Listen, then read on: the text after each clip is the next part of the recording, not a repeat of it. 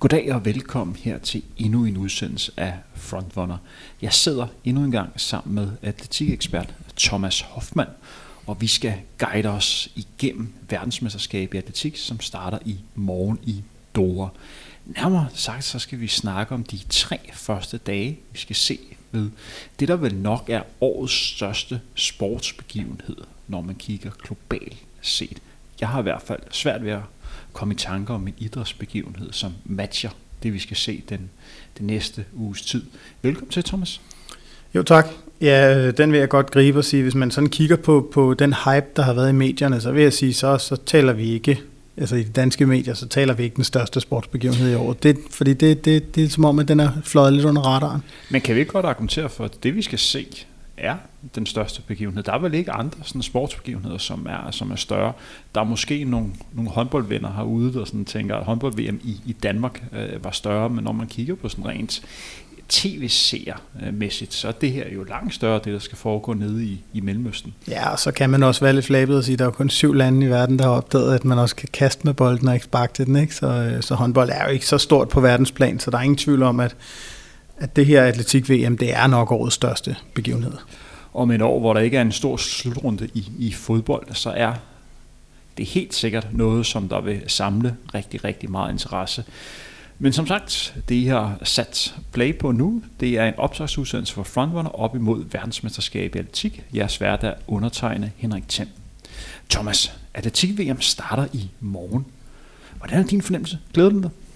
Ja, det gør jeg. Øh, jeg vil sige, jeg glæder mig faktisk mere til det her VM, end jeg har gjort til de sidste par stykker, og det øh, er nok mere, fordi at jeg sådan har været haft et par år, hvor jeg sådan rent, altså selv har været ude af atletikken, bortset fra som speaker, øh, og ikke har fulgt så meget med i, hvad der foregik, når, når det ikke var de her Diamond League-stævner.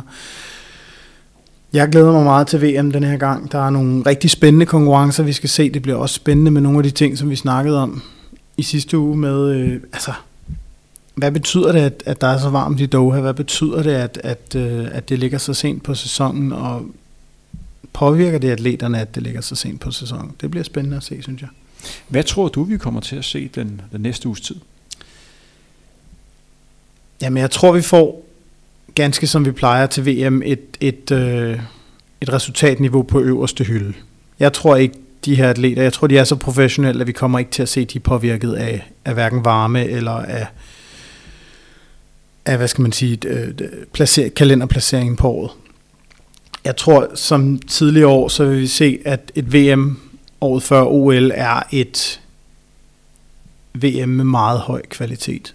Det så vi i 2011, det så vi i 2015. Øh, vi så det til dels også i 2007. Jeg synes generelt, det VM, der ligger lige før OL, der er rigtig, rigtig højt niveau. Og det tror jeg også, vi får at se i år. Vi skal jo lige nævne, at vi sidder op til her torsdag den 26. september. Så hvis der er ting, der, der først kommer ud senere i dag, vi optager omkring middagstid, så ved vi det af gode grunde ikke. Og vi har fokus på de discipliner, vi skal se i morgen fredag den 27., lørdag den 28. og søndag den 29. Ganske kort, Thomas, så må vi også lige fortælle lytterne, at vores plan under mesterskabet, det er, at vi laver op til tre udsendelser, hvor vi sidder og snakker om, hvad der er sket indtil videre i verdensmesterskabet, og guider folk lidt igennem om, hvad for nogle discipliner man skal holde øje med ganske kort. Hvis I interesserer jer for atletik, er det her et must for at kunne få lidt ekstra viden om, hvad der sker på, på tv-skærmen. Fordi det podcast kan, det er, at man kan gå lidt mere i dybden omkring emnerne og tid til lige at snakke om, hvad var det egentlig, man, man så her, som er lidt sværere på, øh, på tv-mediet. Du er jo til daglig speaker på øh, TV3 Sport, hvor du speaker øh, Diamond League, og også været tilknyttet DR i sin tid, hvor du var til OL i Beijing tilbage i 2008. Jeg er selv tilknyttet TV2 Sport og skal blandt andet spike kvindernes maratonløb i morgen. Og så øh, både mænd og kvindernes 50 km kapgang øh, på øh, lørdag. En ting, som vi skal lige have lidt fokus på, det er den her ekstreme varme, som er i Mellemøsten de her dage her. Det er lidt sjovt, at man ikke rigtig har brugt mere energi på at tænke over, hvor stor issue øh, det bliver. Jeg har snakket lidt med Matthijs øh, Nehaus, som er i gang med at forberede sig. Han er lige i øjeblikket i Dubai og bruger Dubai som træningslejr op mod Doha. Han skal først i aktion om en uges tid, men han beskriver om daglig temperatur over 40 grader, og når han er ude at træne, så har han altså et svedtab på næsten 5 liter, når han er ude, og han siger, at det er ganske modbydeligt, også selvom man træner på de her skæve tidspunkter, som svarer lidt til, hvornår han skal løbe. Han skal løbe maratonløb midt om natten. Og man er faktisk gået så vidt, at der florerer visse rygter, øh, især på, på franske medier, og der er også engelske medier som grebet, at man måske snakke lidt om, at man måske skal aflyse kvindernes maratonløb, som er i morgen, eller måske korte distancen ned. Øh, det kommer ikke til at ske. Øh, det tror jeg ikke så tæt på, men er det ikke bekymrende, at man ikke har overvejet det her varmeissue før, et par dage før mesterskabet? Jo, og uden at det bliver alt for konspiratorisk, så tror jeg godt, vi kan sige, at, at øh, penge er en stærk drivfaktor. En stærk drivkraft, ikke? Øh, det samme issue blev diskuteret, da, da, hvad hedder det, øh, da Doha fik VM i fodbold i 2020, ikke? Øh, det har været til diskussion hver gang, der er blevet afholdt et mesterskab i nogle af de her ørkenstater, og det er bare et issue. Det er der ikke tvivl om, men jeg tror, og, og lige præcis maratonløbet er selvfølgelig, og 50 km kapgang, er jo øh, distancer, hvor, hvor det er ekstra udfordrende, fordi man er så lang tid i gang. Man kan sige, kigger man ind på atletikstadion, jamen så er det måske primært, øh, hvad hedder det, 10 km og mændenes 10 kamp og kvindernes 7 kamp, hvor det kan blive et issue, fordi det simpelthen er så mange timer, man er i gang. Øh, vi vil måske se flere kramper, end, øh, end vi har set tidligere. Sprinter, der udgår på grund af de her ting. Men, øh, men lad os håbe, at atlet, atleterne har styr på deres væskeindtag, så det her det ikke, øh, det ikke bliver det issue, fordi det... Fordi man gar- garanterer jo inde på selve atletikstadion, hvor man skal øh, se langt de fleste discipliner, der er de her 25 grader. Og historien går der, øh, går der nede på, hvor de atleter, som man kan følge på de sociale medier, man er blevet bedre og bedre til at kunne følge med øh, atleternes gøren i, i dagen op til. Og de beskriver, at det faktisk er ganske gode forhold til dem. De har været meget overrasket over, hvordan forberedelserne har været, og hvordan banen er, og man snakker meget om, at det her det er en knaldhård atletikbane, man skal, man skal løbe på. Hvad betyder det for de discipliner, man skal se? at det sådan en hård bane? En hård bane er noget, som sprinterne historisk set har været rigtig glade for. Og det vil sige, at vi kan måske godt håbe på, jeg vil ikke sige forvente, fordi det er et farligt ord at bruge, men vi kan godt håbe på, at vi får nogle rigtig hurtige sprinttider at se. Øh, og vi må også bare være ærlige og sige, at det er altså ofte det, der sælger varen til de internationale mesterskaber. Det er de rigtig hurtige sprinttider. Det, det er rigtigt, at, at tit så de mellem langdistanceløbende er, er, er større begivenheder øh, og ofte mere spændende løb. Altså det er jo trods alt ikke spændende at se Usain Bolt vinde med 10 meter på 100 meter eller 5 meter eller hvor meget det er. Men, men jeg vil sige, mellem langdistanceløbende, selvom det tilbage i OL i London er, øh, er David Rudisha, vi husker bedst. Det har vi ligesom snakket om, det kan vi godt blive enige om. Så er det, jeg ved ikke om ordet er rigtigt at bruge, men det er, det, det er mere sexet, fordi det er hurtigt overstået at se de korte sprintdistancer. Og dem er der altså blevet, hvad skal man sige, dem er der blevet kælet for i Dubai, de har, eller i Doha, de har en rigtig, rigtig hård bane, og det kan komme til at betyde rigtig hurtige sprinttider. Men som sagt, det man også skal være opmærksom på i det her varme issue, vi snakkede lidt om det, da vi lavede vores rigtig store opsagsudsendelse med, med Jens BC, som lige nu sidder i flyet på vej til, til Dora, hvor han skal speak i morgen for, for TV2 på, øh, på stadion dernede. Der snakker vi om, hvor meget det betød for atleterne øh, at leve i de her 40 grader. Du var også inde på det, hvordan det ville være som, som kuglestøder og, og lave de der kontraster. Og det er vel også derfor, at atleterne er nede i længere tid, end de plejer, for, for at vende sig til den her anderledes måde at leve på. Jo, og du var selv inde på det sidste gang, det her med, med Thijs, om han måske ville få lidt lejrkulder, fordi han, han havde været træningslejr i så lang tid. Det tror jeg ikke, man skal undervurdere. Der er nogen af dem, der vil have det svært, og det kan især være, være nogle af de atleter, der har familie. Øh, det kan være svært at være væk fra familien i, i lang tid, og, og med mindre man er helt oppe i toppen af atletikken, og der taler jeg ikke per disciplin, der taler vi altså top 10 atleter, hvis man sådan ser over alle discipliner, så er det altså ikke råd til, at man bare lige tager familien med til, til Doha i, i 14 dage, eller tager dem med på træningslejr inden. Det, det, så god er økonomien altså ikke i atletik. Øhm, så, så der er nogle ting der, som, som kommer til at spille ind. Altså det, det der med, jamen okay, så kan man, hvis, hvis verdensmesterskaberne havde ligget i Europa, så kunne man have base der, hvor man plejede at være i den europæiske sæson, og så vidste man ligesom, hvad man havde til at føle på. Jeg ved, at øh, svenske Daniel Ståhl og hans træningsgruppe, de har været i Rom øh, og forberedt sig, og det tyder på, fordi så varmt er der alligevel heller ikke i Rom. Men det tyder på, at det bliver en hurtig ind, hurtig ud øh, for deres vedkommende i, øh, i Katar, fordi ellers havde de nok forberedt sig et sted, hvor der var væsentligt varmere, kunne jeg forestille mig. Fordi man forbereder sig på forskellige måder. En ting, jeg også har lagt mærke til, det er tre brødre, som man nok kommer til at snakke en del om ved det her mesterskab, nemlig de norske Ingebrigtsen-brødre. De ligger og laver alle deres ture på, på løbebånd. De øh, er simpelthen ikke uden for, for at løbe, fordi de siger, at der er simpelthen for stor kontrast til det, de skal ligge og præstere i.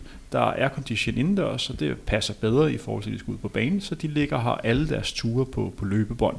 Nogle vil nok argumentere for, at det er rimelig kedeligt, men det er den måde, som, som de forbereder sig til det. Og så har de lige et par, par løb ude på banen i, i piksko, for den måde for at tilvende sig til banen. Men det er deres forberedelse til det.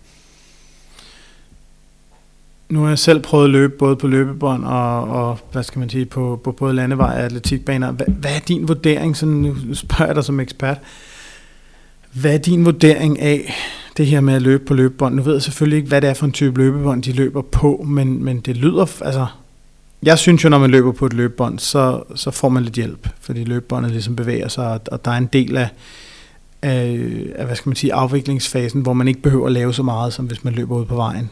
Øh, hvad tænker du omkring det? Hvis man løber meget på løbebånd, så bliver man først og fremmest god til at løbe på løbebånd, fordi der er jo kæmpe forskel på at løbe på løbebånd og så løbe udendørs. Som du selv nævner, så får man lidt hjælp, fordi man får foræret bagsparket, og det vil sige, for nogle løber, de får faktisk rigtig stor effekt af det, fordi dem, der har problemer med at have et bagspark, de får lige pludselig øh, hjælp med at komme højere op med hælen, og det gør også, at deres skridtlængde bliver øget, fordi de simpelthen kommer længere op med knæet den anden retning. Og det kan have stor effekt øh, for nogle løber. Samtidig med, at der er nogle løber, som her får hjælp til at kan ligge og holde det stabil hastighed, og så er der ikke noget, noget vind, når vi snakker øh, indendørs øh, løb, for det er jo fuldstændig vindstille. Øh, det, der er, taler lidt imod det, det er, at nogle løbebånd er kalibreret øh, forkert. Det vil sige, at de taber simpelthen fart. Så det er ikke altid sådan, at 1 km er lige med 1 km på, på løbebånd. Så for dem af jer, der sidder og hører med, som løber på løbebånd, hvor de tænker, det her det er unaturligt nemt, så er det nok fordi, det er for nemt. Så er det simpelthen fordi, at båndet viser en forkert hastighed, og det skal man selv være i stand til at lige at kunne justere på. En god ting er at gøre, det er jo at løbe med, øh, med pulsmåler på, for at kunne se, den, at man har den samme belastning, så når man løber øh, udenfor, eller bruge, øh, hvad kan man sige, sund fornuft. Og så længe du løber på det samme løbebånd, så giver det en, en meget god øh, fornemmelse, for så er du vant til at ligge og løbe på det her bånd. Men det er bedre end ikke få løbet, men det er helt klart bedre at komme udenfor og løbe med. Jeg kan godt forstå, at de norske brødre, de er vant til at træne meget på, øh, på løbebånd, så jeg kan godt forstå, at de bruger det som forberedelse til, til verdensmesterskabet, men det er ikke det samme. En ting, vi også lige skal have fokus på, det er, at de sidste dage har der været en, en del snakke, hvis man sådan kigger globalt set øh, i medierne omkring doping i forhold til verdensmesterskab i atletik. Det er altid sådan, at når man har en stor sportsbegivenhed, som fylder øh, så meget, så vil der være ekstra meget fokus på denne begivenhed op til mesterskabet. Så hvis man, for dem af jer, der sidder her med, der tænker, har atletiksporten et, et doping-issue, det kan man godt argumentere for. Man kan også argumentere for, at det ikke er et tilfælde. Lige nu kommer der bare mere fokus på det, så det vil sige, at der er medier, som normalt ikke skriver om det, der lige pludselig begynder at skrive om det, fordi man ved, at det sælger mere, når folks øjne lige pludselig er rettet mod atletikken. Ja, og, og det, der kommer vi jo så også over til det der med relaterede artikler, kan man sige, ikke? fordi en, en artikel om, om en, øh, nu, nu for at bruge et konkret eksempel, øh, man har lavet en gentest af den olympiske mester fra Rio i mændens hammerkast, Nazarovs øh, test fra VM i 2011. Vi snakker altså for otte år siden, og det er det her med, at de laver de her gentester. Det synes jeg sådan set er rigtig fint. Øh, jeg plejer at joke med, at, at en af ulemperne ved vægtløftning, det er, at vi først ved, hvem der får medaljerne om otte år. Ikke? Øh, men, men så gralt er det ikke i atletik, men nu har vi altså fået den her gentest, og det betyder faktisk, at Nazarov, som det ser ud lige nu, får ikke lov at stille op til verdensmesterskaberne, øh, fordi han, øh, han er testet positiv i de her øh, gentest her. Og øhm, det bringer et fokus på en mand, som lige nu er nummer 27 på verdensranglisten, og som meget overraskende blev olympisk mester i 2016, og lige pludselig går man ind og snakker doping om en 37-årig hammerkaster, som reelt set kun én gang i sin karriere har placeret sig rigtig godt, og det var til de olympiske lege i 2016. Ellers så har han været sådan en, en på de gode dage top 10 atleter, det vil sige, at han har ikke engang været en af dem, der fik seks forsøg i finalen.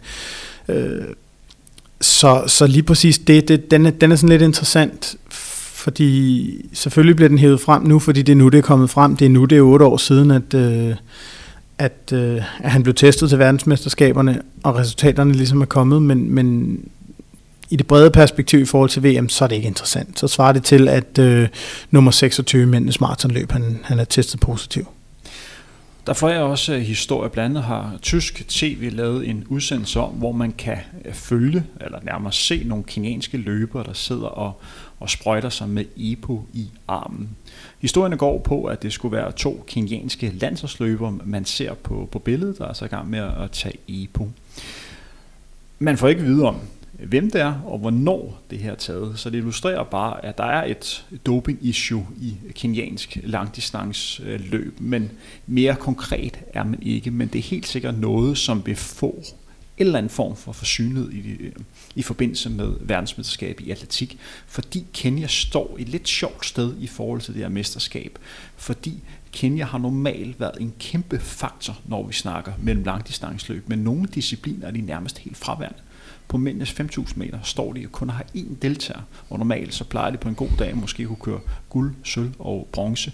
På 3.000 forhindring, som har tidligere været deres kongedisciplin, der kan vi få et mesterskab, hvor de ikke engang får en medalje. På mændenes maratonløb er de også stort set øh, fraværende. De er, de er med på, på mændenes 1500 meter, og så er der nogle af, af kvindernes med langdistanceøvelser, hvor det også er kørende, men det er fraværende, eller bemærkesværdigt, hvor hvor lidt de er til stede taget på trækken af, hvor, en god, de, øh, hvor god nation de er i de her mellemlang øvelser. Thomas, lad os gå i gang med dagens hovedemne, hvor vi skal sidde at forberede øh, lytterne til det her store mesterskab. Men før vi kommer så langt, så skal jeg lige høre dig om enkelt ting. Kan du egentlig huske, hvornår vi to lærte hinanden at kende første gang? Øhm, jeg tror, det var i Jablonek i Tjekkiet i 99. Jeg tror faktisk, det var 2001. Vi var på sådan en, øh, en skafttur, som uh, kaldes uh, et udvalg hold ja. for, for Sjælland, der skulle ned og, og Men, konkurrere. Jamen, så, er det, ja, så er det nok været 2000, hvor det var det år, vi blev 18, og vi var begge to med som 18-19 år, ikke? Det kan sagtens fast. Så det har nok været 2000. Ja, ja. det var en sjov tur. Det var det. Der, blev, der blev drukket lidt. Ja, det gjorde det. det, gjorde det. Kasper, din klubkammerat Kasper Hansen kom hen til mig på, på vej hjem i bussen, efter vi havde fået den her voucher til at købe noget burgermad på øh, McDonald's, og gav mig en burger, og sagde, jeg lignede en, der havde mere brug for den, end han havde. Så, øh, Kasper er altid en god dreng. Ja. Det var også et stævne, hvor jeg rent faktisk præsterede for en lille karantæne efterfølgende. Nå. For simpelthen, jeg var lige startet med at dyrke atletik, og jeg havde kæmpe issue med at tage de her sådan små shorts på, man øh, skulle have på, når man løb langt. Så jeg stillede op i øh, sådan fodboldshorts, fordi jeg nægtede at tage de her små korte shorts på. Og det så holdlederne, hun var bestemt ikke begejstret for det, så øh, jeg fik pænt at vide efter, at jeg havde faktisk vundet øvelsen, at det her, det, øh, det måtte man ikke.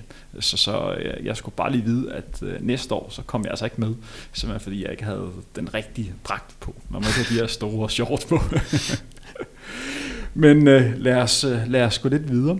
Når vi kigger frem mod fredag-programmet, vi skal lige nævne, at det vi kommer til at gøre, det er, at vi har primært fokus på de finaler, vi skal se. Men vi kommer også lige til at nævne, hvis der er nogle indledende, vi skal have mere fokus på. Ja, vi er nok nødt til lige at runde, øh, hvis vi skal tale om første dagen, så er vi næsten nødt til at runde de indledende, for der er ikke særlig mange finaler på første dagen. Man kan sammenligne det med med forspil. Ikke? Og det, altså, man kan sige, at tidligere har, har programmet til VM været sådan, og nu er jeg selvfølgelig igen farvet af, at jeg selv er tidligere kuglestøder, men der har været lidt at komme efter på første dagen, forstået på den måde, at tidligere gjorde man det, man havde kvalifikationen i mændenes kuglestød om morgenen, og så havde man finalen om aftenen. Så der var ligesom en finale at komme efter på første dagen. Men, men øh, det er man gået lidt væk fra igen. Så det er ikke den store øh, men, finaledag. Men vi har finalen på, på kvindernes maraton, som jeg skal nok komme ind på, på senere. Et løb, som jeg selv skal spike på, på TV2. Men ellers skal vi se indledende i mændenes længdespring, mændenes træspring, 3000 meter forandring for kvinder, hvor vi skal se danske Anne Emilie Møller, der altså bliver den første danske atlet, vi skal se ved det her mesterskab. Så skal vi se indledende 100 meter for herrer. Det er altid interessant at se de hurtigste herrer kæmpe med, skal være den hurtigste mand i verden. Og så skal vi se indledende på 5.000 meter for herre, og så en øvelse, som jeg har glædet mig rigtig meget til, nemlig mændenes 400 meter hæk. Hvis vi kigger på de her indledende øvelser, vi skal også lige nævne, at en øvelse, hvor der rent faktisk skal blive sat verdenskort, nemlig kvindernes højdespring, er der også indledende øh, i. Generelt set er det nogle spændende øvelser, vi skal se indledende hit, synes du ikke? Jo, det synes jeg. Øh, man kan sige, udfordringen i forhold til det her, det er jo også det, som tv-serierne skal huske, og især hvis de, øh, hvis de sådan er lidt nye i det her med atletik, det er, at det der tit sker, det er jo, at, sådan en, en indledende konkurrence, den er jo ligesom øh, lavet på den måde, at man har, man, man har x antal deltagere nu, for at bruge mændenes længdespring som eksempel, så er der 27 deltagere. Og det er et interessant felt, fordi at på den rigtige dag, så kan alle 27 faktisk vinde medalje til, til verdensmesterskaberne. Så tæt er resultatniveauet. Det er ikke særlig mange deltagere i forhold til, hvor mange der plejer at være med, men, men alle kan principielt tage medalje til det mesterskab, hvis de, hvis de rammer dagen. Ikke? Øhm, der er 27 deltagere, de springer i to kvalifikationsgrupper. De 12 bedste går til finalen, med mindre at flere end de 12 bedste klarer finalekravet på 8,15 meter. Gør de det, så tager man så mange med, som har klaret finalekravet. Men det er altså sådan, at hvis man går ud i første forsøg, for eksempel og springer 8,20 meter, så er man sikret en finaleplads, og så behøver man ikke springe igen. Og det vil sige, at man ser altså, at der er færre og færre springere, der springer på hver runde. Og det betyder, hvis man sætter sig ned, fordi man for eksempel godt vil se øh, verdensætteren kubanske Echevarria, som har sprunget 8,65 meter i år, og som i øvrigt har sprunget 8,92 meter i for meget medvind, så kan man nok godt forvente, at hvis han rammer planken i første forsøg, så ser man ikke mere til ham i, i kvalifikationen. Men, men han kan også godt være sådan en, som går ud og tænker, at jeg skal bare springe 8-10, og der er ikke rigtig nogen forventninger til mig andet, end at jeg springer 8-10, og så går han ud, og så hugger han et 8-75 spring af, eller et eller andet i første forsøg, fordi han kan springe helt frit. Øh, han er sådan en, som, som ubetinget har potentialet til at slå verdensrekorden, men han er også sådan en, som allerede selv har lagt et utroligt stort pres på sine skuldre. Men lige præcis mændenes længdespring, der er selvfølgelig nogle, nogle, som har sprunget længere end de andre, som man kalder favoritter, men ofte ser man jo, at mange af de, de gode, de kikser indledende, fordi en ting er at præstere til de her Diamond League-stævner, de nationale øh, stævner, men her er der rigtig, rigtig stor pres på, og man skal ikke undervurdere det med, at når man har, har sprunget det først, så har det måske været sådan et, knap så godt forsøg, fordi man lige skulle ordentligt i gang. Så kan man tænke meget. Man kan tænke meget de her 30 minutter, før man skal, skal springe igen. Og man kan nå at tænke meget, mange forskellige scenarier igennem og få øh, stresshormonerne endnu længere frem i kroppen. Og det er vel det, der er mest interessant i forhold til længdespring konkurrencen, når vi snakker indledende, det er at se, hvem er de bedste, der kigger. Ja, ja altså jeg vil, jeg vil komme med et frisk bud og sige, at øh, sydafrikanske Manyonga, han bliver verdensmester igen men Echevarria kommer til at have VM's længste spring. Det er et frisk bud. Og det kan man næsten gætte på, at der er en, der kommer til at springe rigtig langt i den indledende. Fordi når vi går lidt længere frem og så snakker om mændenes 400 meter hæk, der er det vel lidt mere givet, hvem vi kommer til at se videre. Fordi der er vel ikke, jeg er godt klar over, at der er lige noget teknik, der skal passe, men de bedste løber, for eksempel Carsten Warholm, selvom han kigger en hæk, så har han jo stadigvæk mulighed for lige at kunne reparere lidt senere jo. ind i løbet. Jo, og det, det man ikke skal glemme i den forbindelse, det er jo altså også, at hvis man, hvis man piller Warholm, Samba og, øh, og øh, Raj Benjamin, som er de tre store i, øh, i, i mændenes 400 meter hæk, væk, jamen så har vi altså et resultatniveau, som er næsten et sekund langsommere blandt de bedste.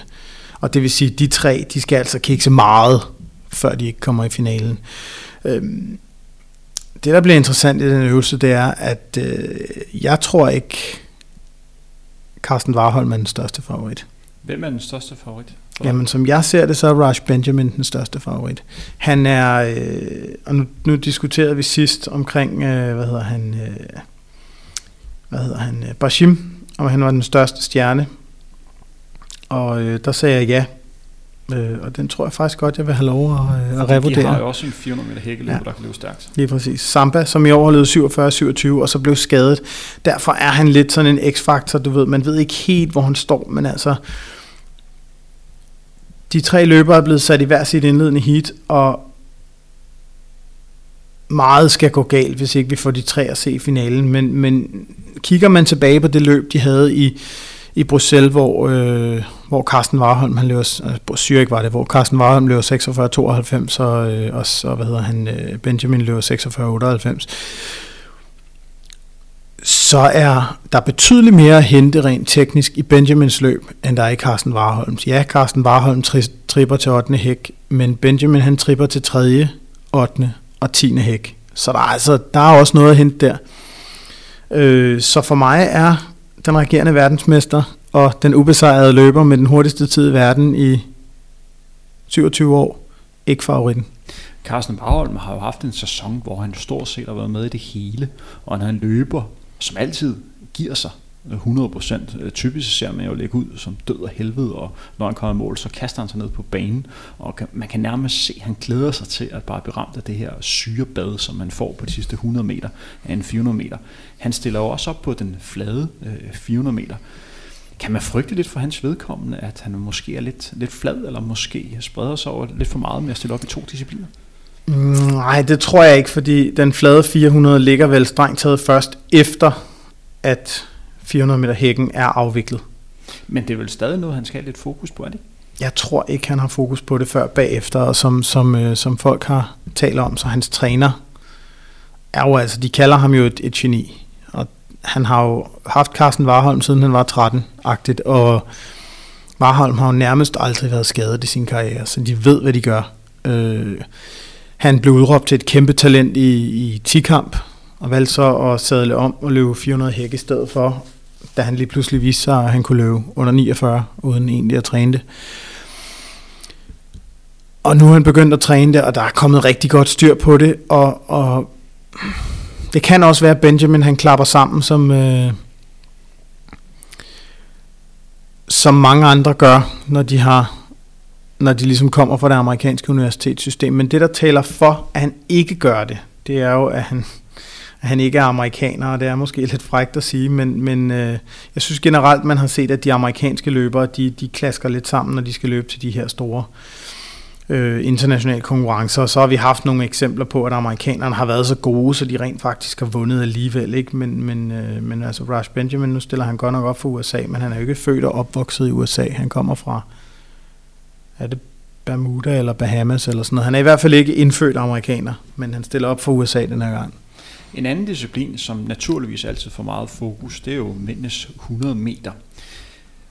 Er der en grund til, at man skal sidde og se de her indledende heat på, på 100 meter?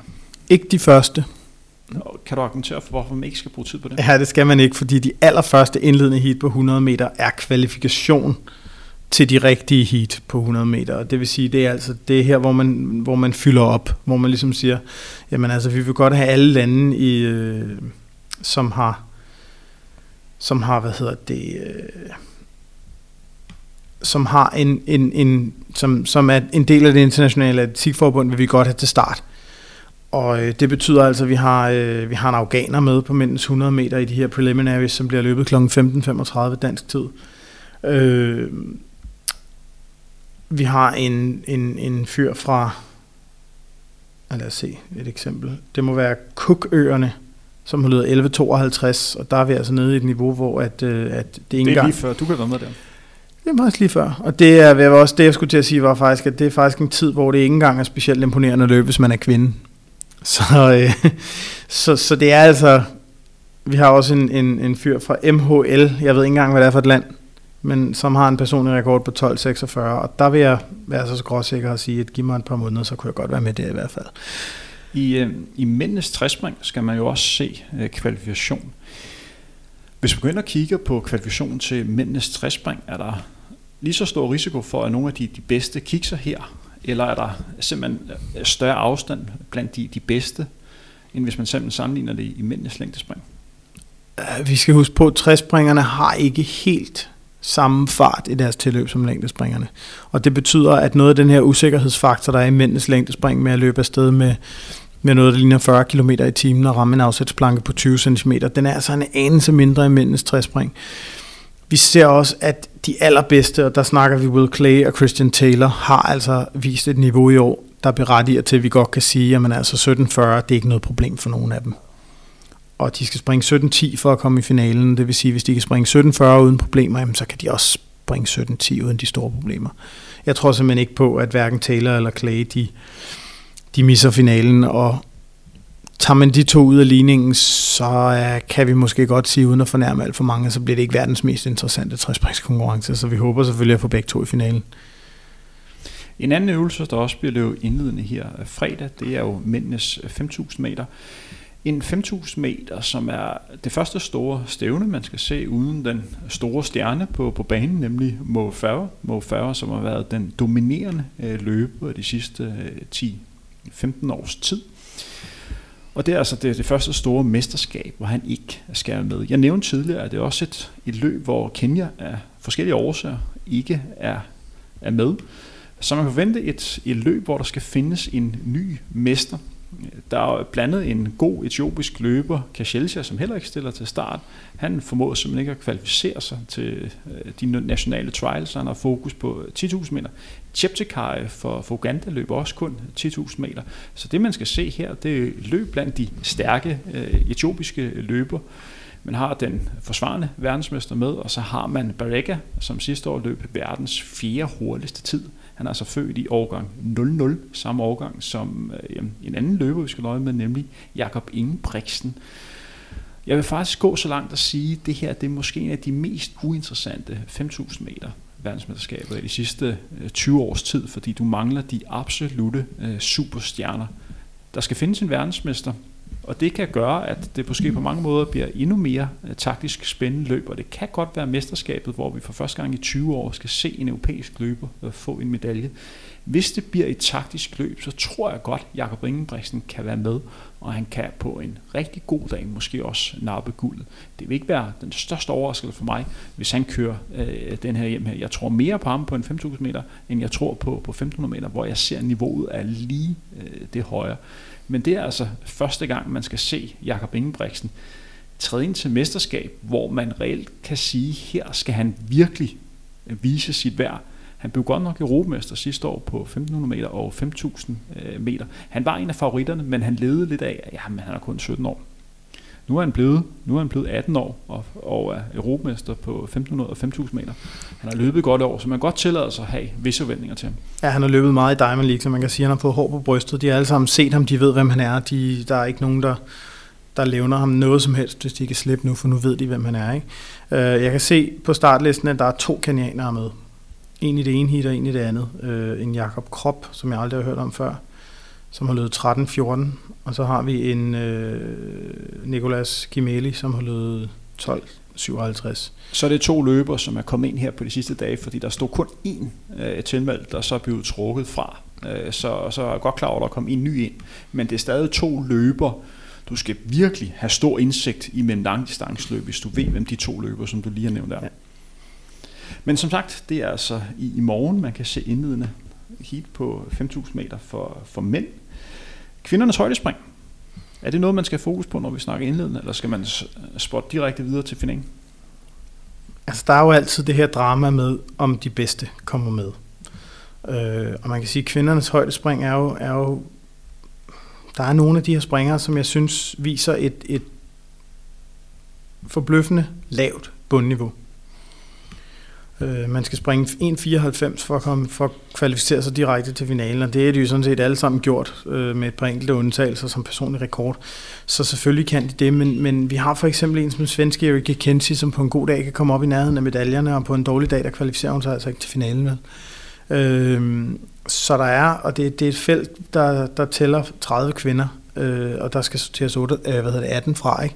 Så vi kan ikke undgå, at der ryger nogle navne, vi kender, men jeg tror ikke, at, at vi vil opleve, at en, øh, hvad hedder hun, øh, Lasitskene for eksempel ryger, eller en Mahuchik fra, øh, fra Ukraine. Dem, dem tror jeg nok, vi skal få at se i finalen, og, og Levchenko skal også nok komme med. Så, så, så får vi de tre i finalen, jamen, så har vi egentlig også dem, som er store favoritter til at gå på podiet. Øh, kan se, at øh, nu, nu Jens B.C. nævnte, hvad hedder hun, øh, Tiam, sidste gang, og hun er ikke på startlisten, så, øh, så den er ligesom ude, kan man sige det. Ikke? Hvis vi har lidt fokus på den eneste disciplin, hvor vi skal se, hvor der skal kores en verdensmester i morgen, det er kvindernes maratonløb, som starter midnat øh, lokal tid. Og det er altså et løb, hvor man lige nu frygter rigtig meget de høje temperaturer, som er i, i Doha. Fordi selvom man afvikler løbet midnat, så snakker man altså om temperaturer, der nærmer sig de 30 grader, og det er altså rigtig varmt, når vi snakker maratonløb. Forskellen for det her løb kontra det, vi ellers ser på banen, det er, at på banen er der nedkøling, og det er altså ikke her på, på landevejen. Og der er også en luftfugtighed, som skulle være helt ekstremt. Jeg refererer, refererer igen til, til Tej, som altså lige i øjeblikket befinder sig i Dubai. Jeg er godt klar over, at der er sådan lige 500 km mellem Dubai og Doha, men klimaet er stort set øh, det samme. Og han siger altså, at han, han smider omkring 4-5 liter væske, når han er ude og have sådan en træningspas på en time, på et andet time, og det er altså meget. Og han siger, at der er kæmpe problemer med at drikke nok, når han er ude. Han kan simpelthen ikke optage øh, det her vand. Jeg forventer at se et maratonløb, som bliver meget specielt. Først og fremmest, så synes jeg, at det er usædvanligt, at man vælger at afholde verdensmesterskabet i maraton i samme weekend, som der er Berlin Marathon, som traditionelt er en af de rigtig, rigtig store klassikere inden for, for maratonløb. Det svarer lidt til, hvis vi sammenligner med, med cykelsport, at du afvikler verdensmesterskab i cykelsport samme dag, som der er Paris-Roubaix. Fordi du vil se nogle, nogle løber, som ikke er med til verdensmesterskabet, fordi de hellere vil have den her traditionsrige, hurtige rute i Berlin, hvor de kan bruge deres hurtige vindertid, eller deres hurtige tid, til at få endnu større startpenge. Det man skal være opmærksom på, når vi snakker verdensmesterskabet i maraton, der er rigtig mange løbere, der godt tænke sig at blive verdensmester, men de kan altså ikke bruge en, en placering som nummer 6 eller nummer 7 til, til særlig meget, og man kan bestemt ikke bruge en placering som nummer 12 til særlig meget. Så for at skære det helt ud, så vil du være 20-25 løber, som før løbet håber på at komme i top 10. Og måske også endda få medalje. Når man kan se, at det kan lade sig gøre, eller de får problemer med varme, så vil man se nogle løber, der vil udgå af det her løb, eller begynde at løbe roligere. Hvis vi kigger på forhåndsfavoritterne, så kan jeg nævne, at vi har fem løbere til start, som har en personlig rekord på under 2 timer og 20 minutter, som man det vi kalder lidt drømmegrænsen, når vi snakker kvindernes maraton. Og lige i øjeblikket virker det som, at det er et opgør mellem Etiopien og Kenya. Øh, ikke overraskende. Øh, forhåndsfavoritten er Chepketik øh, fra Kenya, som har en personlig rekord så hurtigt som 2 timer 17 minutter 8 sekunder. Det gør hende faktisk til den tredje hurtigste kvinde nogensinde. Og det var en tid, hun, hun satte, da hun vandt Dubai Marathon i januar måned. Og det viser, at hun er jo i stand til at kunne løbe stærkt under forhold, der minder lidt om det. Det skal bare siges, at maratonløb i, i øh, Dubai i januar, altså under langt bedre temperatur, end der at løbe øh, maraton i øh, september måned i, i Doha. Hvis der er løber, som skal slå hende, så kunne det være en etiopisk løber som Derea eller Aga, som har personrekorder ikke så langt fra hende her, den kinesiske løber, jeg nævnte før.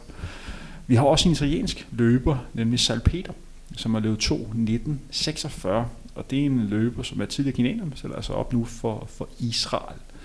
For et par år tilbage var hun en løber, der lå og blev nummer 50, 60 stykker til Europamesterskabet i cross, og nu er altså løber nummer 22 på, på maraton. Interessant udvikling øh, for hende.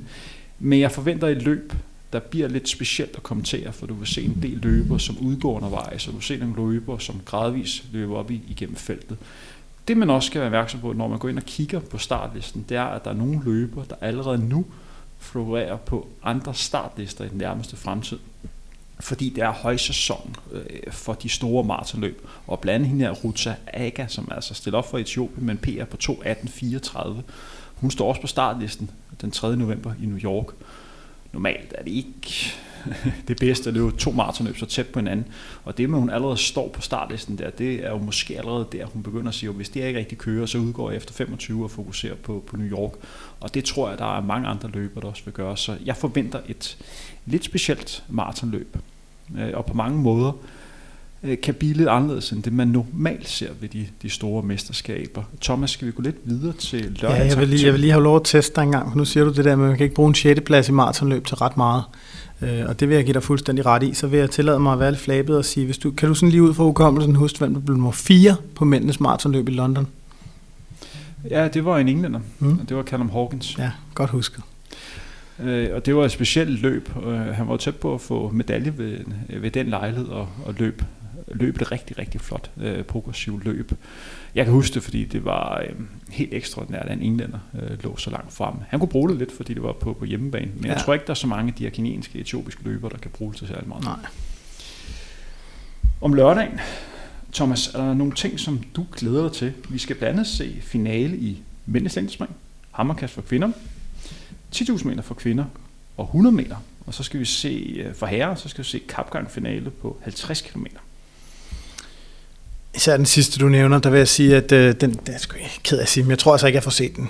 Øh, det gør jeg altså ikke. Jeg skal nok lige, øh, det kan godt være, at jeg tager sådan en, en hurtig scroller efter, øh, efter konkurrencen. Jeg er sgu ikke sikker på, at jeg lige får set den der midt om natten. Det er da ærgerligt. Du sidder der så en for, over for en, der glæder sig rigtig meget til at skulle spille det løb. Ja, ja. Øhm, nu siger du løb. Det skal du passe på med, ikke? Ja, det ja. kan man få disket for. Ja, det er lidt ligesom at komme til at sige han eller hun op i Sverige, det der, ikke? Øh, nej, jeg glæder mig til at se kvalifikationen i mændenes diskerskast. Nej, jeg glæder mig mere til at se mændenes diskerskast. Kan vi ikke sige det sådan? Jeg er ikke... Jeg er, ikke, jeg er aldrig specielt meget op at ringe over kvalifikationen i nogle discipliner. Det er rigtigt, så ser man en gang hvem der lige er en eller anden kaster, som er en lille smule mere afslappet end vedkommende plejer, og så siger det, fup, og så ryger det rigtig langt ud, det her redskab. Ikke? Men, men der er rigtig mange, der har haft den her, kan, hvem vil jeg verdensmester? Bliver det Frederik Dacres, eller bliver det Daniel Ståhl fra Sverige? Og der, lad os bare lukke den diskussion med det samme. Det bliver Daniel Ståhl fra Sverige. Hvis han kaster dårligt, så slår han stadig de andre med halvanden meter. Altså, der er ikke så meget at diskutere der. Øh, så medmindre han smider den i buret tre gange i kvalifikationen, så bliver han verdensmester. Så det er som, øh, og, og det vil han vise i kvalifikationen, at den eneste, der kan forhindre ham i at blive verdensmester, det er ham selv. En ting, som vi lige skal, skal snakke om i denne forbindelse, det er, at lige nu kører det rigtig godt for, for norsk atletik. De har jo flere atleter med ved det her mesterskab, der er reelle medaljekandidater. Vi har allerede snakket om, om to, Jakob Ingebrigtsen, og så Carsten Warholm, og så er de også andre atleter med i forskellige discipliner, der også kan, på en god dag kan få en medalje. Hvis vi sammenligner lidt med svensk atletik, så toppede de jo tilbage i OL ved 2004, hvor jeg mener, at de fik tre OL-gulde inden for... Ja, jeg vil sige, fra, fra 00 til 2005, der var Sverige rigtig skarpe, ikke? Hvor, hvor de, havde en, de havde en god træspringer, de mm. havde en god syvkæmper, og de havde en rigtig god højdespringer. Øh, og det var vel øh, Stefan Holm og Karoline Kløft, og så øh, Christian Olsen. De fik jo vel alle tre guld ja, og ved OL i 2004. Ja, og så Kajsa Bergqvist. Jeg tror ikke, hun vandt guld, men jeg tror også, hun tog medalje i, i uh, 2004. Og så Susanne Kalurum var vel også god på 100 meter hæk i den Ja, men hun blev først rigtig god i, i 07-08, og så blev hun så faldt hun over. Altså, det, det var jo øh, hvad hedder sådan noget, tragikomisk at sidde og kigge på kvindernes 100 meter hæk til OL i 2008, ikke? fordi vi havde Susanna Kalhur, der havde sat verdensrekord indendørs på 60 meter hæk. Vi havde Lolo Jones, der havde løbet fantastisk hurtigt, og øh, så havde vi en mere, som jeg ikke kan huske, hvad hedder lige nu, men de styrtede simpelthen alle tre i henholdsvis indledende og semifinalerne, ikke? så der var ikke nogen af dem, der kom til start i finalen. Øh, og det var jo dybt tragisk, og det er jo, det er jo en af de ting, som atletik også kan, men, men, men det rigtige svenske atletik har Daniel Ståhl, og så har de reelt set ikke så meget andet, hvor der er medallechancer. Det, det, det jeg gerne vil hen, det var, at jeg snakkede med en norsk langdistansløber i forbindelse med Copenhagen Half for, for 14 dage siden. Sondre Moen, som man også skal se på, på 10.000 meter. Det er altså en løber, som har sat europæisk rekord på, på maratondistancen. Den er så senere blevet slået, men det er stadig en af de hurtigste tider nogensinde i Europa. Han snakkede lidt om, at det gik lidt i bølger. Det var sådan lidt, han oplevede det at Sverige var rigtig gode i, nullerne, og nu var det så Norges tur til igen at være på toppen, hvor de også var gode i midten af 90'erne, hvor de ja. blandt andet øh, fik OL-guld på, på 800 meter. Ja, de havde, øh, de havde en, en dygtig højdespringer, og de havde en spydkaster, der satte verdensrekord et par gange efter, man lavede spydet om, og de havde en, en, en OK mandlig sprinter, og de havde en mandlig højdespringer, der var, så ja, Norge var, var rigtig gode i... Men øh, ser du som Sverige på vej frem igen? Det er svært at spå om. For de har vel også et par stangspringer, der kan være med? Jo, og så har de, altså jo, de har også øh, Duplantis selvfølgelig, som i øvrigt også skal i aktion om lørdagen i kvalifikationen. Øhm, men det er svært at sige, fordi det er tit sådan noget med, lige pludselig er der en svensker, som udvikler sig helt vildt meget. Altså sådan fra et år til et andet, at, at så har de fundet den her formel for, og, og de har bare mange atletik, øh, atletikfolk. Altså der er mange atleter i Sverige, og, og man har jo, ligesom i Danmark, skole-OL, men det er under mere ligesom vi også har i Danmark, men det er under mere ordnede forhold i Sverige, end det er i, end det er i Danmark stadigvæk, trods alt. Det har flere år på bagen, og det er noget, som, som skoleelever rent faktisk går mere op i. Og det hedder ikke skole det hedder svenske skolemesterskaber i atletik.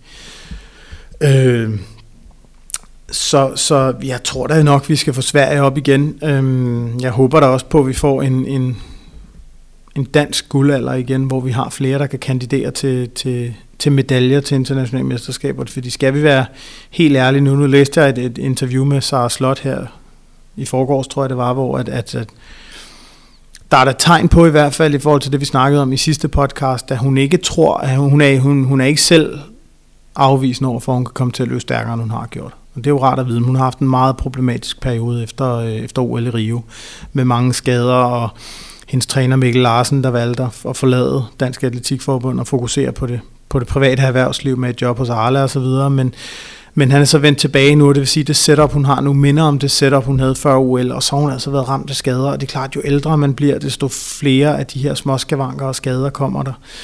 Men jeg vil ikke afvise, at, at jeg tror ikke, vi får det at se i år til VM, men, men jeg vil ikke afvise, at vi får en Sara at se til næste år to, eller hun måske kunne være en, en kandidat til en medalje igen.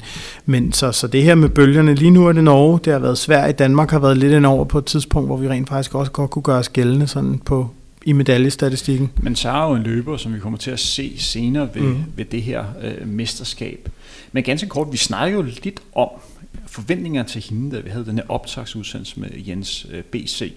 Jeg må lige nævne, at så meget kendskab har jeg heller ikke til, til Sars øh, træning.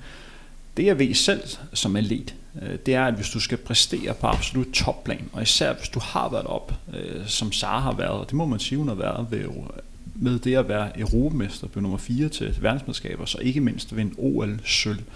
Der hvor hun er lige nu, og man skal til det i mente, hun har altså været på toppen siden 2001. Det er rigtig mange år. Øh, hun er mor, hun er i starten af 30'erne, hun begynder også at tænke på, hvad livet skal være efter atletikken. Man har lidt der ordsprog, der hedder, en sulten løve jager bedst. Spørgsmålet er, hvor sulten hun er.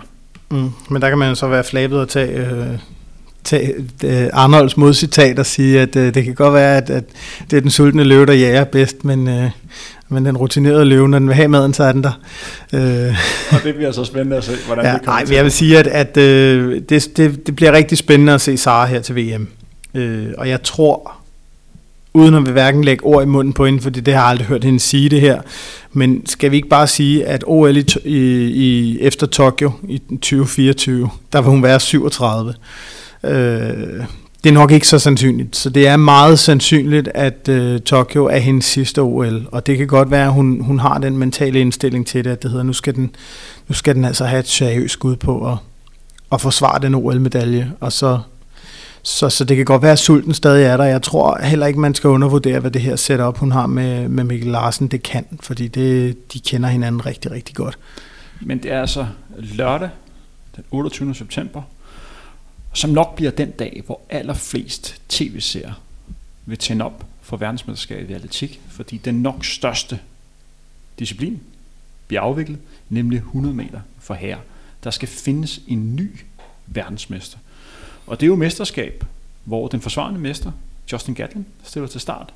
Jeg tror du, han kan, kan gentage hans sejr, hans lidt overraskende sejr for verdensmesterskabet i London i, i 2017 det er jo en løber, som er født i samme årgang som os, 1982. Og ja. det med at være på toppen i, i så mange år, det er jo ekstraordinært. Vi har jo snakket om Justin Gatlin øh, før, og hans betydning, hans havde kærlighed forhold lidt for atletikken, og hvordan atletikken har behandlet ham. Men han er vel en af kandidaterne, ikke? Jo, altså jeg vil sige, øh, nu kan jeg se, og det er fordi, jeg har forsøgt at finde det her, men jeg har åbenbart ikke søgt på det rigtige. Øh, Christian Coleman ser ud til at komme til start til verdensmesterskaberne. Han er 23 år, han vandt øh, sølv i øh, London, og han er givet fri til at kunne stille op til VM. Der er det her smuthul, som de kalder det, det, øh, det er måske øh, hvad hedder sådan noget, øh, tvivlsomt, om det, om det tilladt. Altså det, der, det, der, det der øh, hvad hedder det, helt basalt er, det, det kan vi sige for, for den uindvidede lytter, at øh, når man er på det niveau, som Christian Coleman er, jeg ved ikke, jeg kunne næsten forestille mig, at du også selv har været i det her testesystem i øh, Team Danmark, hvor man har noget, der hedder whereabouts, som går ud på, at man skal fortælle øh, hvad hedder det, Antidoping Danmark, hvor man er på stort set alle tidspunkter af døgnet. Der er nogle af de allerbedste atleter, der har det, der hedder whereabouts 24-7, og det betyder, at de skal altid fortælle, hvor de er henne. Og Christian Coleman har altså misset tre tests i de sidste 12 måneder.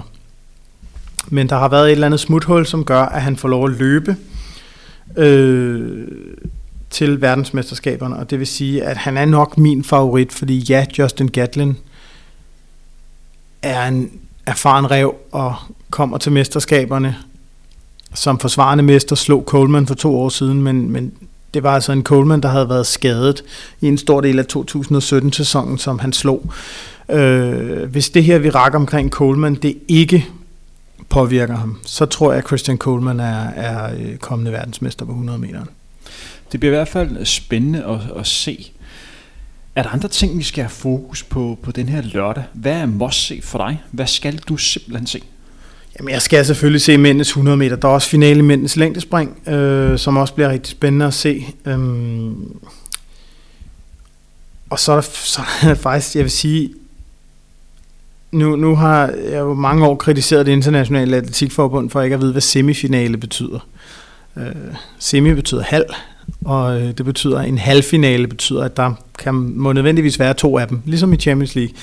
De har sandsynligvis tre semifinaler i de fleste løbediscipliner, blandt andet på mændenes 400 meter hæk. Og lurer mig om ikke de formår at lave lodtrækningen sådan, at vi får Samba, øh, Varholm og, øh, og Raj Benjamin i tre forskellige heats. Men det bliver spændende at se, hvis de kun har to heat, og det kan vi altså ikke se endnu, fordi startlisterne er af gode grunde ikke klar, eftersom at, øh, at øh, vi kan selvfølgelig se, hvor mange løbere, der går videre fra indledende heat, men, men, øh, men det bliver interessant at se, om ikke eller hvor, hvad, hvad hedder det, øh, fordi de bliver nødt til at træde en lille smule mere på gaspedalen, og, og der er også noget med, at på, på, på 400 meter hæk kan man altså ikke tage det helt lige så roligt, som man kan på 400 meter, for så passer det simpelthen ikke mellem hækkene. Og det vil sige, at vi vil faktisk typisk først se løberne slappe af, efter de er kommet over sidste hæk, eller på vej op til sidste hæk, og så i målstreg, over målstregen, hvis de, hvis de ligger godt til. Det vil sige, at vi kan faktisk allerede få nogle rigtig hurtige tider i, øh, i, øh, i semifinalen. Det er sådan, at øh, tilbage i 1992, hvor øh, Kevin Young han satte sin verdensrekord, der var han den første, der løb 13 skridt mellem alle hækkene. Og det skal lige siges for tv-serierne, der så sidder derude og ser, at øh, isættet efter hækken tæller ikke som et skridt af uforklarlige årsager. Så 13 skridt vil sige, at man løber over, det, over hækken med det samme ben hver gang. Han var den første, der løb 13 skridt hele vejen, og det er faktisk sådan, at i kvartfinalen til de olympiske lege i Barcelona, der løb han med 11 skridt mellem, øh, mellem hæk 3 og hæk 4. Det var fuldstændig uhørt, at man overhovedet kunne det, men, men jeg tror, vi vil se en Vareholm, der vil forsøge, om han kan løbe 13 skridt hele vejen, og hvis han gør det allerede i, i semifinalen, så vil det komme til at gå rigtig stærkt. Der er også to løbediscipliner, som, hvor man afvikler indledende heat. Det er så, når vi snakker om mændenes indledende heat på 800 meter og kvindernes indledende heat på 800 meter.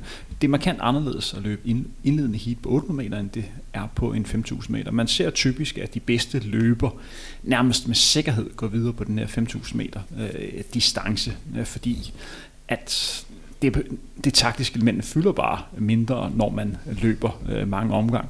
Men det gør det på en, på en 800 meter, og typisk ser man, at mange af forhåndsfavoritterne ryger ud i indledende, fordi de simpelthen ikke mestrer det med at lægge sig i felterne. Det er blandt andet derfor, at du har en Andreas Bube, at det er ærgerligt, at han ikke er med, fordi han er en rigtig god mesterskabsløber. Og den her lørdag, den 28. september, er der jo indledende hit på, på mændenes 800 meter. Der kan sagtens ryge nogle øh, favoritter. Det vil overraske mig, hvis det ikke er tilfældet. Og det vil der helt sikkert på den her kvindernes 800 meter øh, semifinal, som også bliver et lidt mærkeligt mesterskab, fordi vi får jo ikke Kaster Semenya med. Og det er jo den helt store stjerne, når vi snakker kvindernes 800 meter. Øh.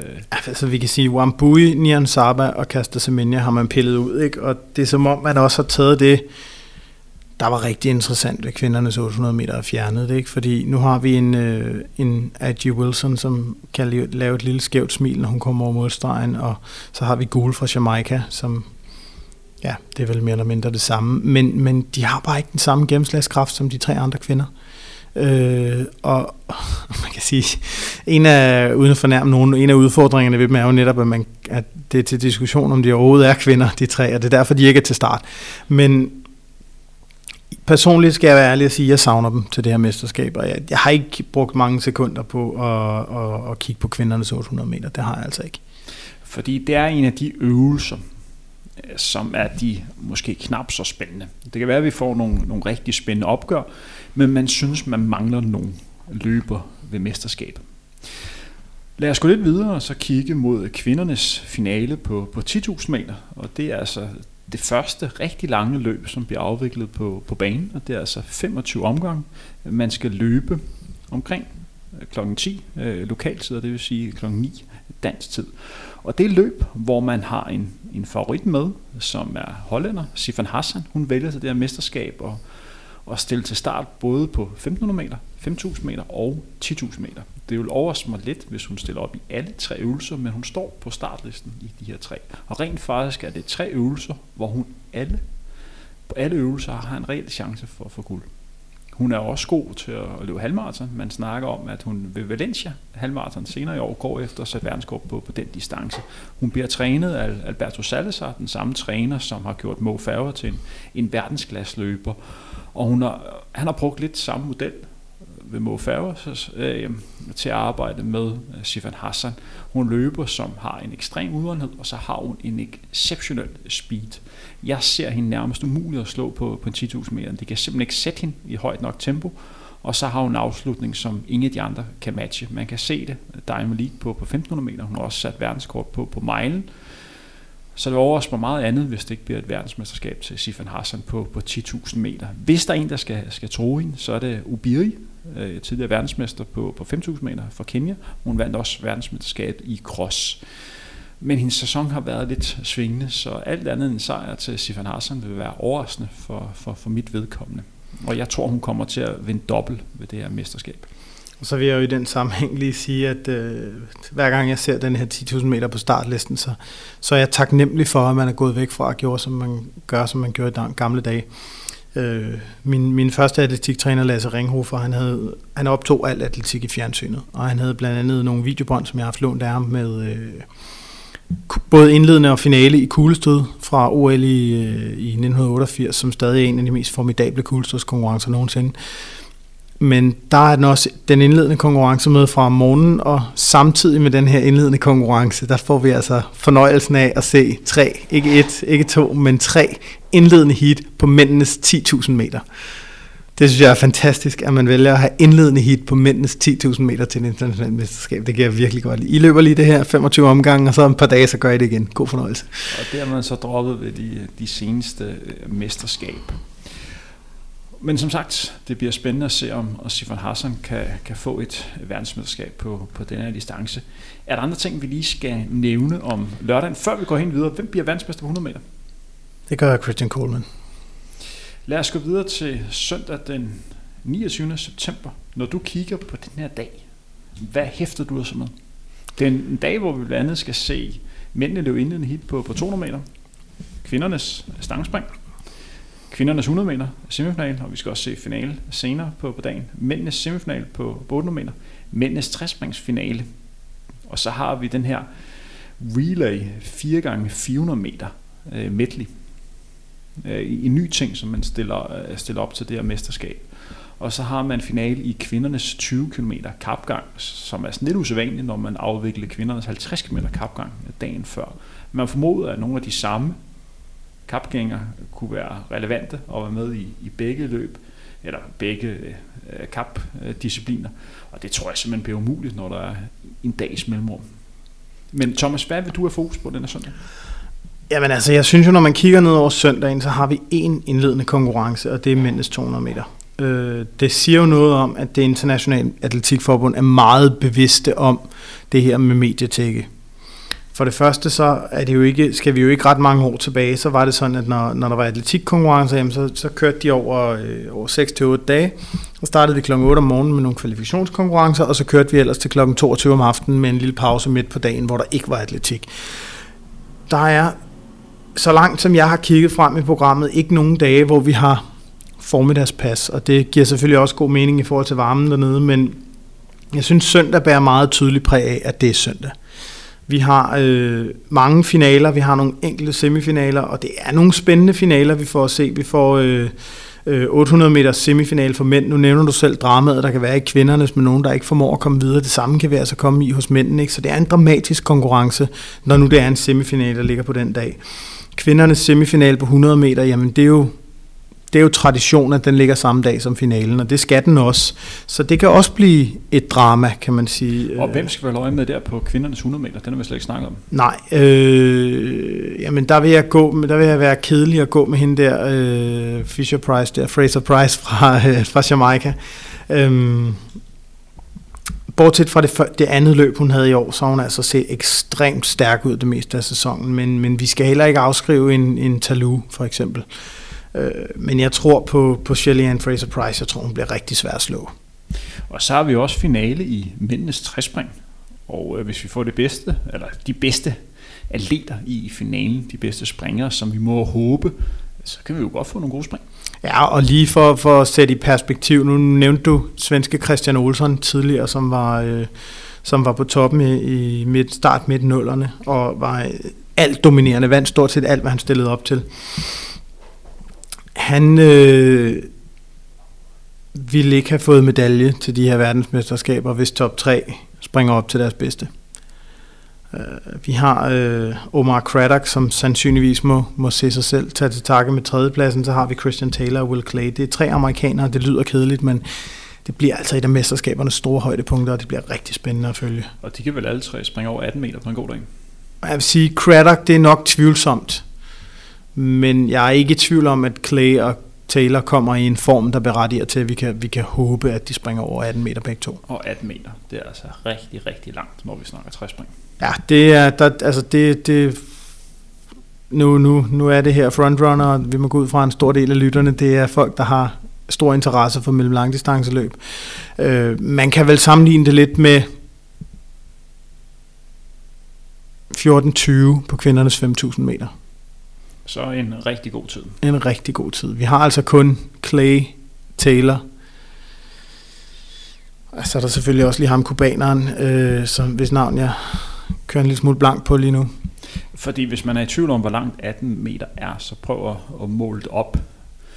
Det er de færreste, der er plads til det i lejligheden, så måske at gå ude i haven eller ude på, på gaden, det er altså rigtig, rigtig langt, de springer i, i træspring.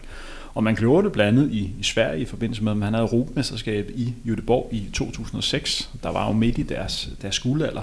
Der er en midt i Göteborg, der man simpelthen målt op, hvor langt de her 18 meter var, og så man kunne rundt og se og få inspiration og virkelig anerkende, hvor langt det er.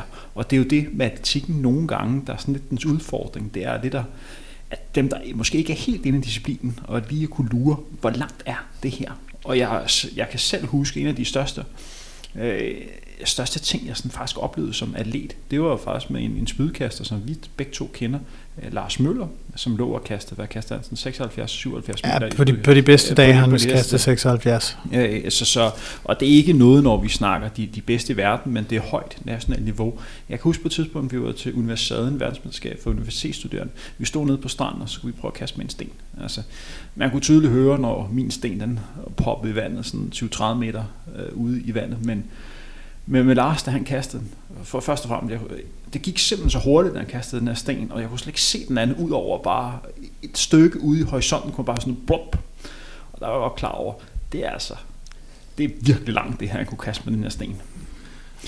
Og det er det, der nogle gange skal til for man kan forstå, hvad vil det sige at være god til at være spydkaster. Ja, og der er jo nogle sportsforretninger, som har, har gjort øh, atletikken den tjeneste, at de simpelthen har taget verdensrekorden i højdespring og tegnet den på væggen og sagt, det her det er verdensrekorden i højdespring, 2,45 meter.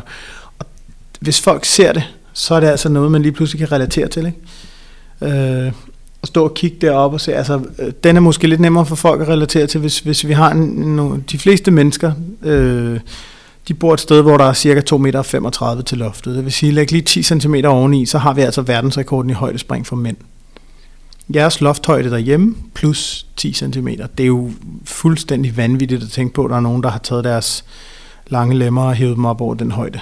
Øhm, men som du siger, det er svært at relatere til. Det er også, tv-billeder kan snyde rigtig meget, når man har prøvet at sidde på et stadion og se de her fantastiske atleter, også mellem langdistanceløbere. Det snyder altså hvor hurtigt de rent faktisk løber, når man ikke ser det live, når man ser det på tv-billeder. En anden øvelse, som også bliver spændende at følge, det er jo kvindernes finale i stangspring. Hvad tænker du om den øvelse? Jamen altså, jeg, jeg har svært ved at se andre end uh, Katarina Stefanidi vinde den. Og det har jeg simpelthen sagt, fordi at, at uh, hun har haft opadgående formkurve hele året.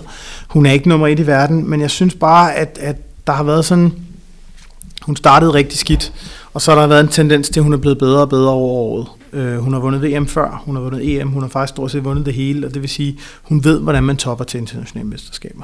Hun er ikke afhængig af at skulle kvalificere sig til internationale mesterskaber, som for eksempel en Sandy Morris fra USA eller en Jennifer Sir fra USA har skulle. Øhm, så, så hun har haft mulighed for at stille og roligt at bygge formen op, og hun har vist dominant jo, jo tættere vi er kommet på VM, hvor at de andre springere det har været sådan noget indianer stangspring hele året, ikke? hvor de skiftet lidt til at slå hinanden på kryds og tværs, og, og så er der en, der vinder her, så er der en anden, der vinder her, så er der en, der springer højt, og øh, stævnet efter, der klarer hun ikke sin starthøjde og sådan noget. Så den eneste konstante er Stefanidi, og jeg ser altså hende som den store favorit der. Og det bliver spændende at følge. Når du kigger på den her søndag, er der andre ting, vi lige skal, skal snakke om?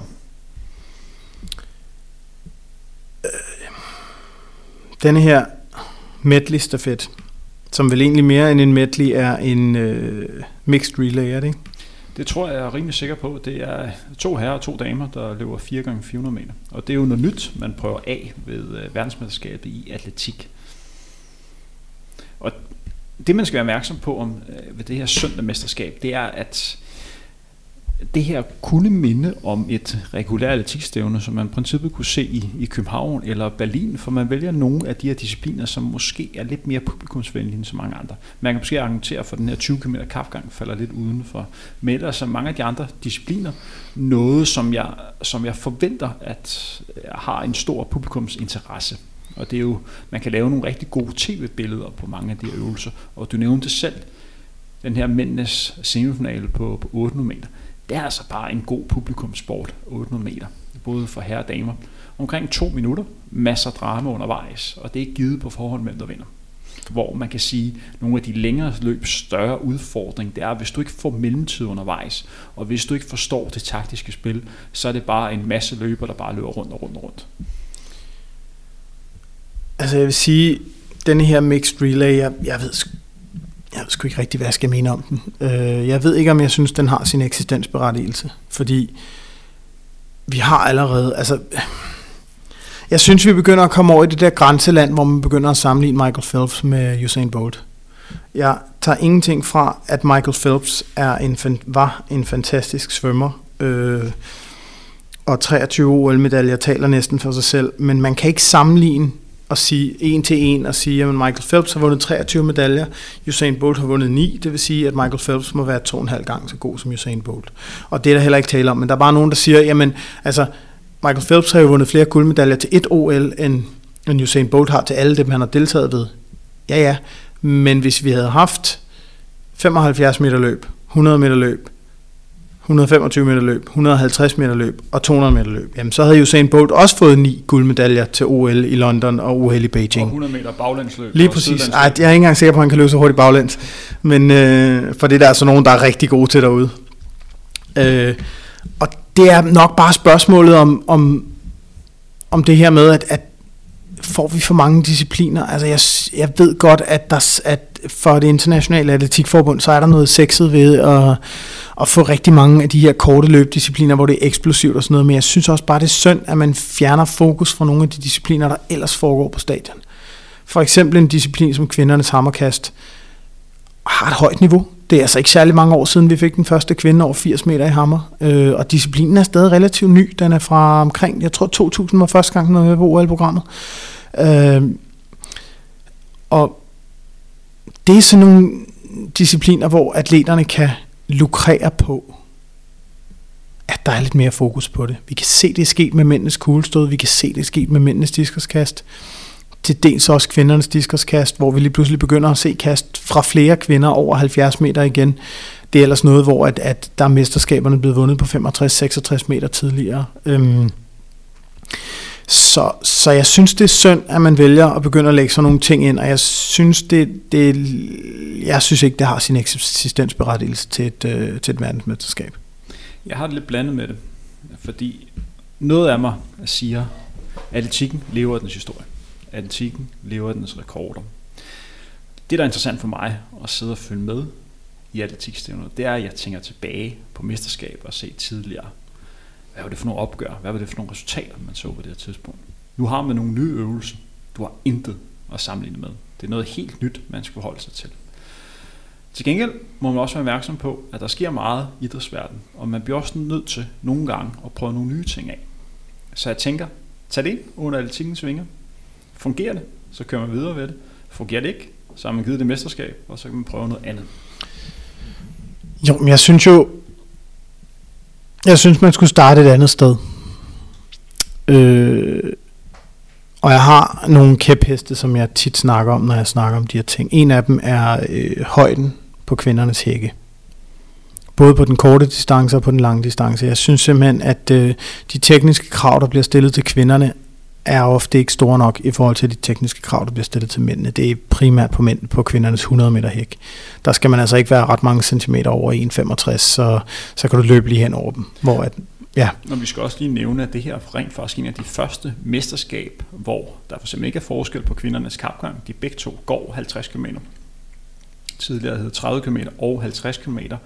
Nu har man gjort distancerne øh, lige, Tidligere har det også været, når vi snakker store øh, løbemesterskaber, som crossmesterskaber, der har mændenes løbet af 10 km, og kvindernes løbet af 8 km. For mig har det været en total gåde, hvorfor man ikke har løbet det, det samme. Et maratonløb er jo ikke 42 km for herrer og 38 km for, for, for kvinder. Så selvfølgelig skal man konkurrere på, på den samme distance, og det er man heldigvis begynder at, at, at gå op med. Ja. Og det samme issue ser man jo også på, på kvindernes vendingsløb, der også er markant uh, kortere. Og øh, der er jo de relativt høje kvinder, har jo en stor fordel på, på kvinders fældning. Jo, og, og, og for lige at gøre den færdig, så der hvor, det, hvor den store kæphest ligger, det er faktisk vægten på kvindernes kasteredskaber. Man taler meget om, at kvindernes verdensrekord i diskoskast, den er jo uslåelig, og den er sat af østtyskere, og de første fem på verdensranglisten er østtyskere, og kvindernes kuglestød er sat af en, en øh, sovjetrusser og den bedste kineser lige nu, hvor man kan diskutere, den bedste atlet lige nu øh, er en kineser, hvor man kan diskutere, om hun har en lidt blakket baggrund, øh, er to meter fra den verdensrekord. Og det her ligner for mig en fremstrakt hånd, hvor det internationale atletikforbund går ind og siger, der er ikke så stor forskel på kvinder og mænd mere. Den køber jeg. Det er okay. Men så synes jeg i stedet for, at man skal gå ind og sige, godt, kvindernes diskos, den vejer 1,25 kilo fra nu af. Kvindernes kugle vejer 5 kilo fra nu af, og det gør hammeren også. For de allerbedste i verden, der vil det ikke betyde noget for deres resultatniveau. Men det, det vil betyde, det er, at, øh, hvad hedder det, øh, at vi kan få gjort op med de gamle kasteverdensrekorder.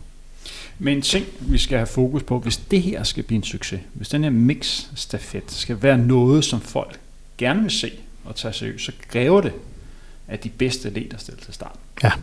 Fordi ellers så bliver det uinteressant. Og så bliver det bare... Så bliver det USA mod verden igen, ikke? Ja, så bliver det bare fyldt.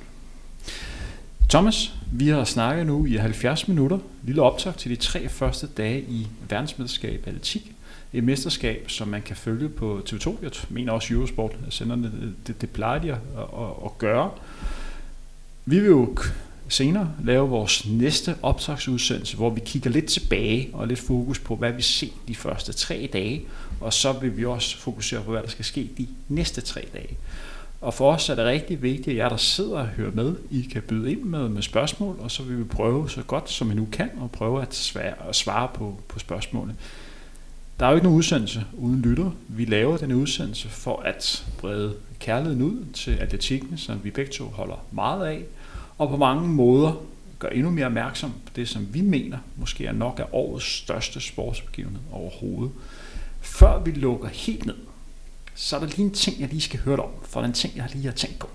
Jeg har faktisk tænkt på det et stykke tid. Det er jo sådan, at øh, jeg er jo tidligere langdistanceløber. Jeg løber lidt stadigvæk. Du er jo tidligere kaster, og nu er personlig træner, hvor du sådan træner folk øh, i, øh, ja, i at optimere i forhold til det styrke, folk der gerne vil tabe sig. Det hjælper også folk til at blive bedre løber. Er du klar til en, øh, til en lille deal? Ja.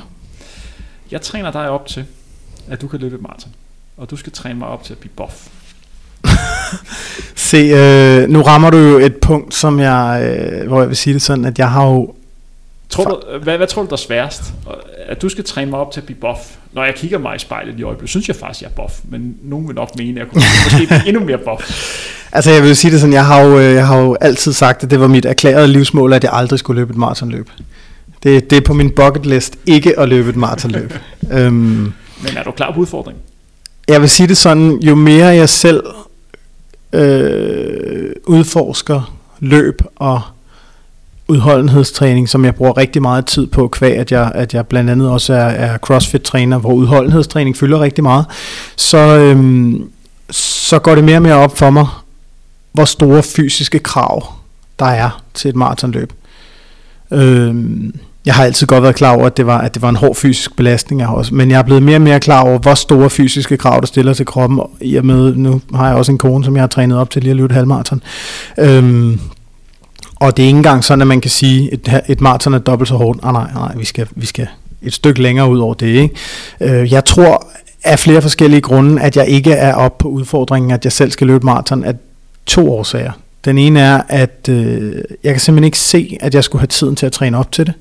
Og den anden ting er, at jeg har en, øh, en hæl på min højre fod, som gør, at, at som det er lige nu, jamen altså, jeg var ude og løbe 2,3 km forleden dag, og det er faktisk omtrent, omtrent hvor min maksgrænse den går. Så, øh, så er vi der, hvor min hæl den har det rigtig, rigtig skidt i nogle dage efter. Og det er det, jeg så argumenterer for, det er jo bare større udfordring til mig. Men øh, lad os se, vi kommer nok til at snakke lidt mere sammen under det her verdensmesterskab, Det så vi. vi gradvist kommer til at arbejde. Det er den retning, så til sidst hopper på, hvor du tænker, yeah, maratonløb, det er lad os nu mig. se, lad os nu se. Men Thomas, tak fordi du har lyst til at være med. Ja, selv tak.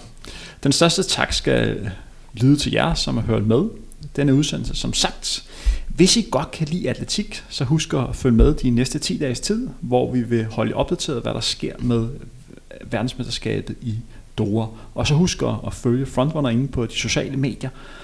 Og jeg nævnte det på gange, I må rigtig, rigtig gerne dele vores udsendelser. I må rigtig gerne komme med anmeldelser inde på iTunes, og I må rigtig gerne anbefale jeres venner at høre med i de her programmer. Det er den måde, vi kan være med til at lave endnu flere udsendelser og brede løbesporten endnu mere ud. Husk, vi har den samme interesse, nemlig at skabe endnu mere fokus på vores kærlige og elskede sport. Undertegn Henrik Thiem siger tak for nu. Husk at følge med til verdensmesterskabet i atletik. Vi høres ved ingen længe.